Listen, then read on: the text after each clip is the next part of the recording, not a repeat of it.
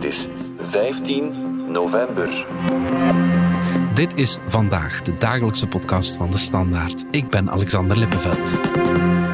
We vergeten niemand, we laten niemand achter. Dat zijn de woorden van de Oekraïense president Zelensky na de herovering van Gerson op de Russische troepen.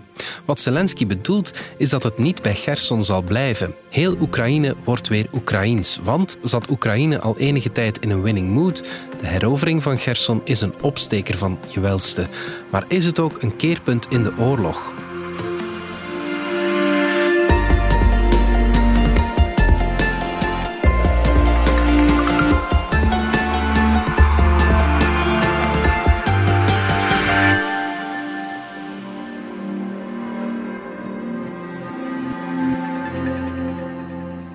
Dominic van onze buitenlandredactie, dat van de dat keerpunt in de oorlog, dat heb jij geschreven. Um, maar laat ons eerst even kijken naar Gerson zelf. Hoe is de situatie daar nu? Wel niet ideaal. Hè? Mhm. Zelensky heeft maandag wel de stad bezocht. Zijn eerste bezoek na de herovering. Want dat is wel duidelijk. Dus de stad is volledig in handen van het Oekraïnse leger terug. Mhm. Maar de situatie daar ter plaatse is heel slecht. Ja. Er liggen heel veel mijnen. Die worden nu opgeruimd. Er is geen water, er is geen elektriciteit.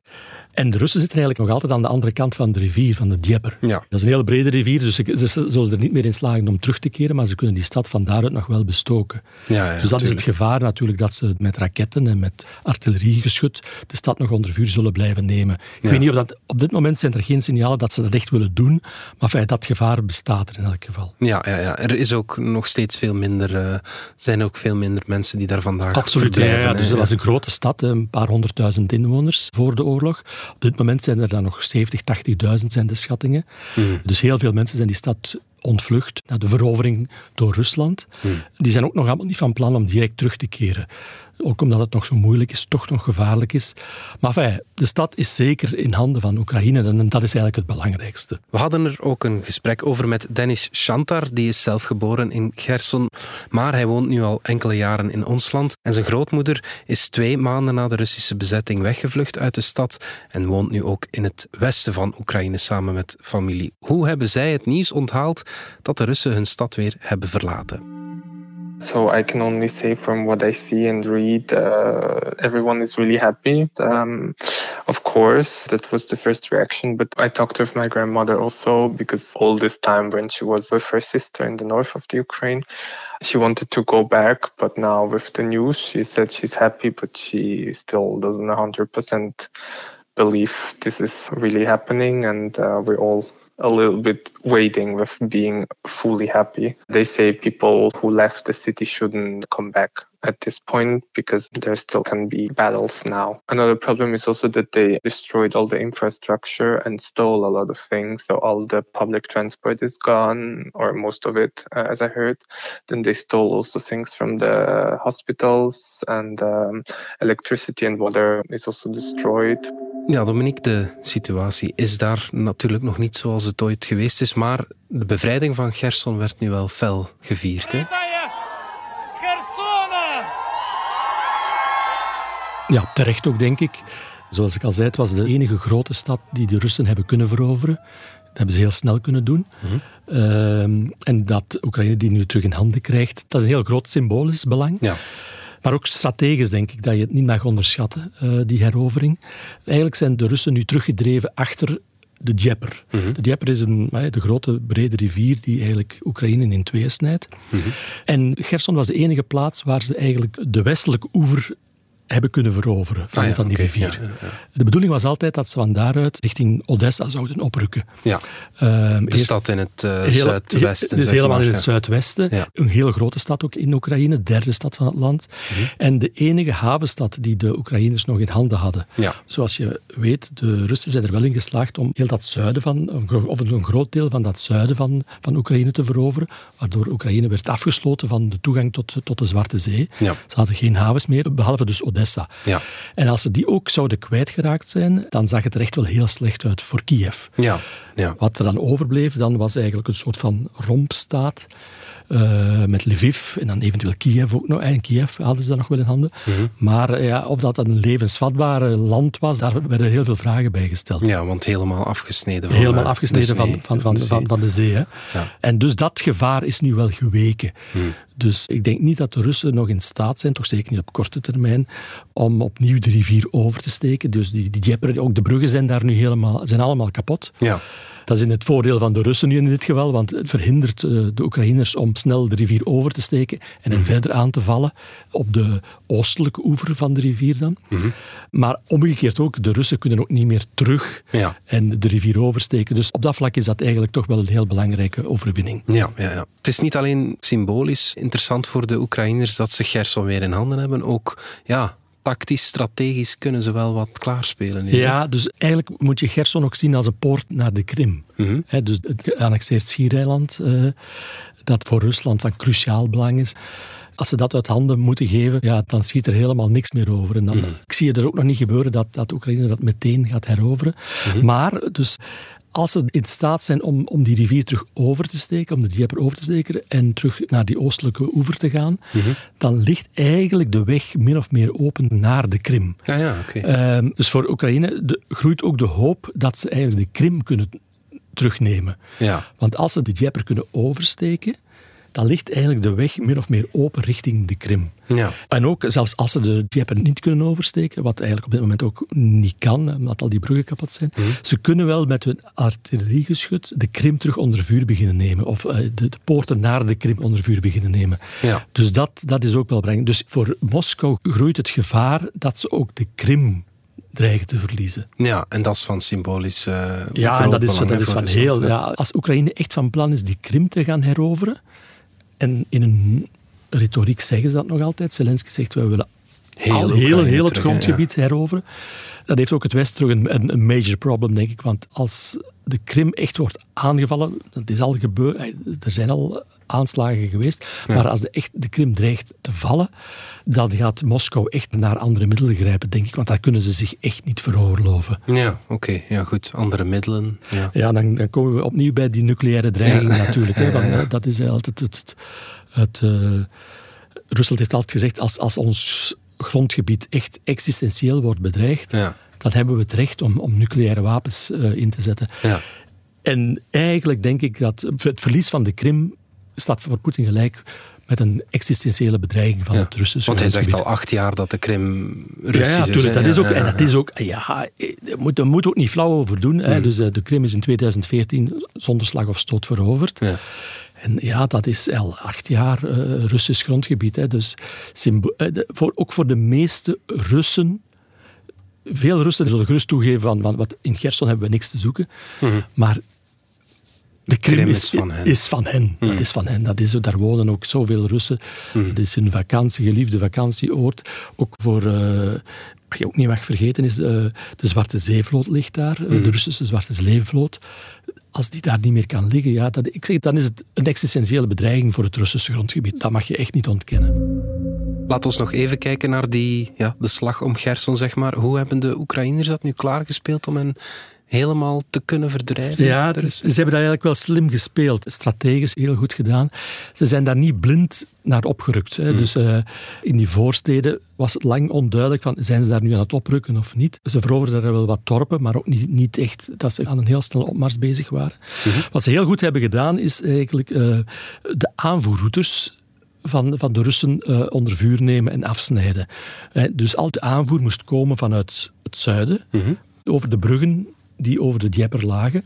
Die zijn ze zelf beginnen vernietigen. Dus Ja. de Oekraïners. hè. De Oekraïners zijn die bruggen beginnen eh, onklaarmaken, waardoor het heel moeilijk werd voor de Russen, of al maar moeilijker werd voor de Russen, om de troepen die aan de westelijke oever zaten, om die te blijven bevoorraden. Ja.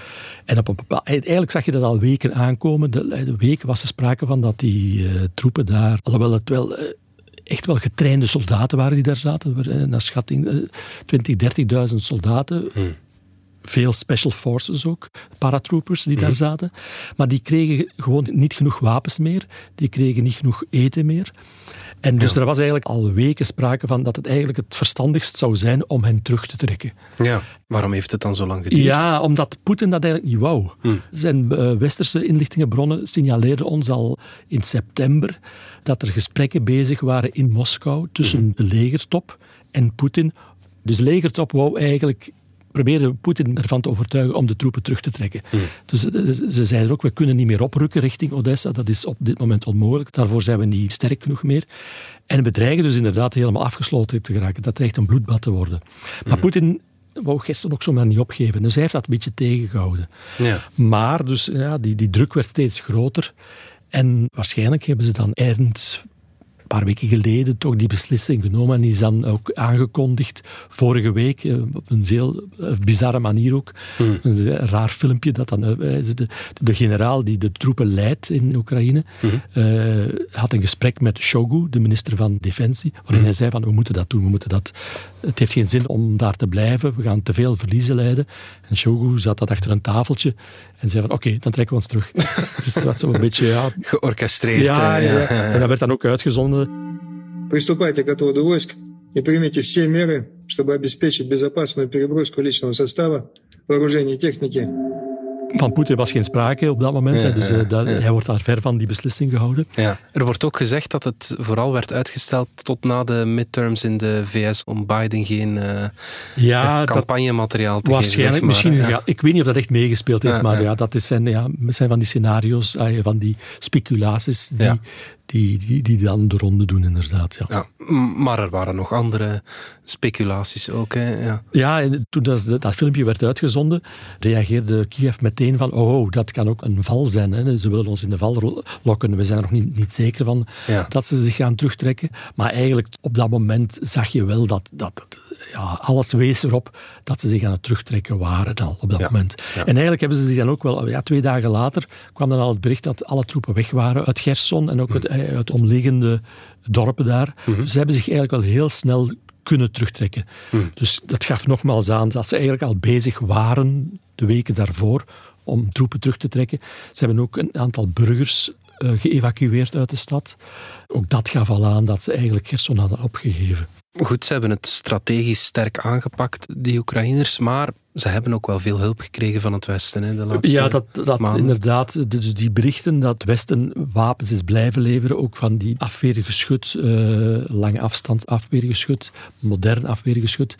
Die aanvoer is blijven doorgaan, is nog versneld ook op een bepaald moment. Dat heeft ook wel een rol gespeeld. Hè. Dus de Oekraïners waren in staat om heel gericht, heel gerichte aanvallen uit te voeren op die aanvoerlijnen. Ja. Om die onklaar te maken. En dat is met hulp van westers materieel, vooral Amerikaans, eh, lange afstandsgeschut.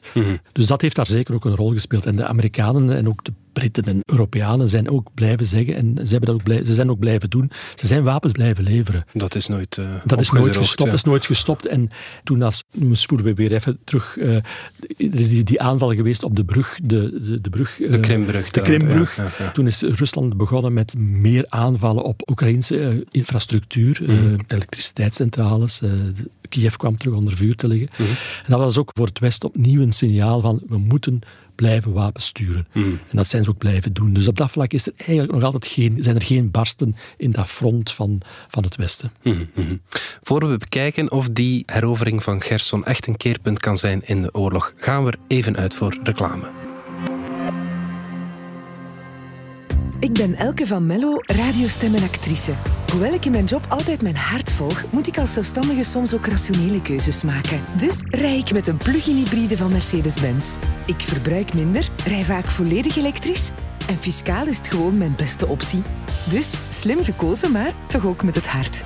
Nieuwe bedrijfswagen? Bij Mercedes-Benz Heden Automotive maken we net als voor elke ook voor u graag een berekening op maat. Meer info op hedenautomotive.be.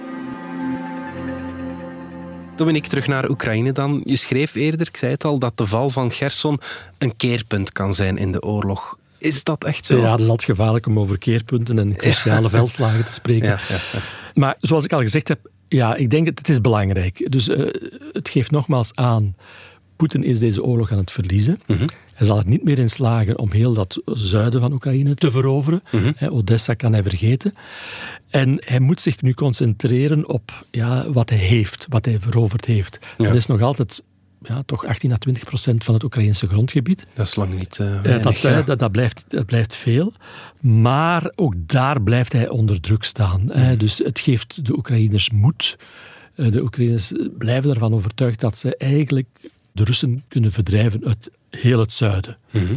Dus ze gaan proberen om. eh, dus ze kunnen daar wel niet de, de, de Dnieper oversteken in Gerson. De, de korte weg is afgesloten voorlopig. Maar ze kunnen wel vanuit het noorden Ja. opnieuw beginnen oprukken. Ze kunnen dus troepen vrijmaken, die ze dan met een, een soort van omtrekkende beweging vanuit het noorden dan en, en richting zuiden oprukken. Ja. En daar de, de Russen opnieuw verder in de tank proberen te nemen. ja. En wat is dan zo het eerste doelwit waar we Wel, er zijn een aantal, het zijn geen bekende steden, maar er zijn wel een paar cruciale, ja, toch kleinere steden die ze gaan proberen te veroveren.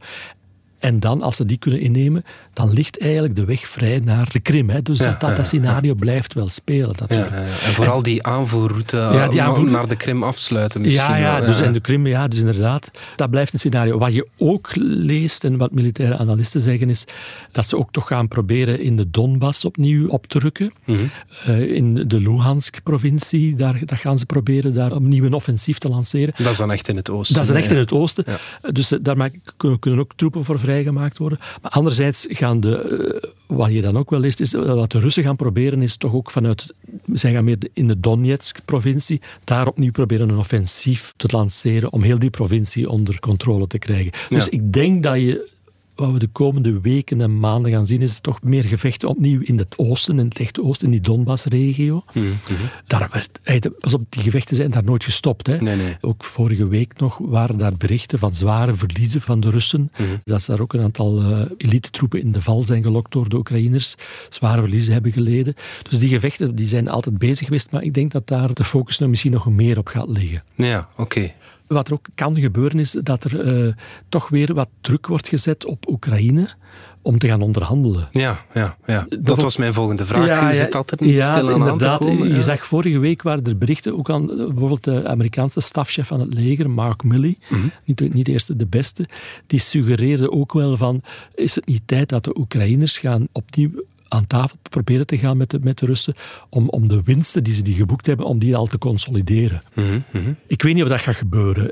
Er waren vandaag nog ook weer berichten dat de Amerikanen en de Russen in eh, Turkije aan tafel zouden zitten Ja, ja. over Oekraïne. Dat is onbevestigd.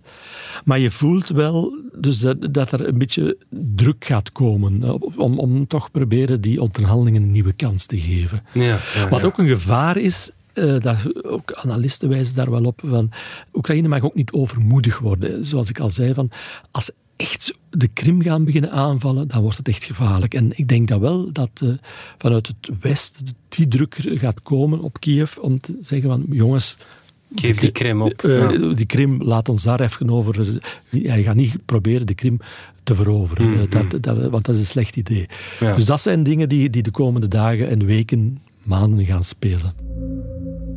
En is er druk op Poetin om te gaan onderhandelen? Ja, moeilijk te zeggen, maar... Vanuit Rusland dan ja, natuurlijk. Ja, moeilijk te zeggen. Ik denk ook niet dat Poetin wil onderhandelen. Dus eigenlijk, wat je ook niet mag vergeten is, hij heeft Gerson, de provincie Gerson, en, de- en drie andere provincies, de provincie Luhansk, Donetsk en Zaporizhzhia, heeft hij eigenlijk uitgeroepen tot Russisch grondgebied. Hè. Mhm. Met dat Met referendum dat daar, referendum ja, twee maanden geleden. Ja. Dus dan gaat hij moeten onderhandelen over de opgave van Russisch grondgebied. En in hun ogen is, zijn Ja. dat, is dat nu Russisch grondgebied. Want nu heeft hij geen enkel lapje Gerson meer eh, zeker? hè? Ja, nog, wel, dus aan de andere kant van de Dieppe, dus de oostelijke overkant, ligt ook nog wel wat, wat Gerson. Ja. Dus dat heeft hij nog. Maar ja, hij heeft een groot deel van Gerson is al kwijt. Ja. Saborizhia heeft hij eigenlijk nooit volledig onder Nee, controle gehad. Ook Luhansk heeft hij niet volledig onder controle. Maar kan hij daarover onderhandelen? Dat is heel, heel moeilijk. Als er al druk is, dan komt hij van de harde militaire vleugel. Eh, De, de Prigozhin, eh, de, de baas van de Wagner-groep en, en- en de, de Haveke, die zetten hem onder druk om vooral niet te gaan onderhandelen, om vooral harder te gaan vechten. Ja. Dus ik weet niet of hij echt de kaarten heeft om op dit moment aan tafel te gaan. Dus dat, dat, dat blijft moeilijk. Maar het, zoals dat steeds, er kunnen weer allerlei dingen gebeuren de komende weken. Ja. Dat het moeilijk te voorspellen is wat er precies gaat gebeuren. Ja, oké. Dan zit je hier over een paar weken. eh, hoe dan ook opnieuw. Die kans bestaat inderdaad. Ja. Ja, goed. Intussen hoopt de grootmoeder van Dennis Chantar dat ze ooit terug kan naar Gerson en haar eigendommen terugkrijgt. But the problem was more that things got stolen, and also during the occupation, there were a lot of Russian civilization coming in. So the soldiers brought their families, and I think just other random Russian people. There was also a point where it was not clear if people who left the city could keep their apartment or if they would just uh, send in new families. Of course, leaving was hard, especially when you're old and don't have the money or the opportunity to go then somewhere. So um, old and sick people, they stayed. Blijf nog even hangen, want ik heb een bijzondere luistertip. Waar lig jij wakker van? Wat moet ik opgeven voor mijn kind? Dat ik mij schuldig moet voelen over het klimaat. Vijf jonge redacteurs van De Standaard gaan op zoek naar antwoorden op persoonlijke vragen in de podcastreeks Klaar Wakker. Als ik nu bijvoorbeeld aan jou zou vragen van wat is voor u thuis zijn? Hoe kunnen we samen veiliger uitgaan? Is dat huis en die zekerheid mij dan zoveel waard? Luister vanaf 4 november naar de reeks Klaar Wakker in de app DS Podcast of op je favoriete podcastplatform. Dit was vandaag de dagelijkse podcast van de Standaard. Bedankt voor het luisteren. Volg ons op Spotify, Apple Podcast of eender welk ander podcastplatform. In onze gratis FDS podcast kan je niet alleen ons werk beluisteren, maar ook de beste podcasttips terugvinden met zorg geselecteerd door onze redacteur Max de Moor. Alle credits van de podcast die je net hoorde vind je op standaard.be-podcast. Reageren kan via podcast.standaard.be. Morgen zijn we opnieuw.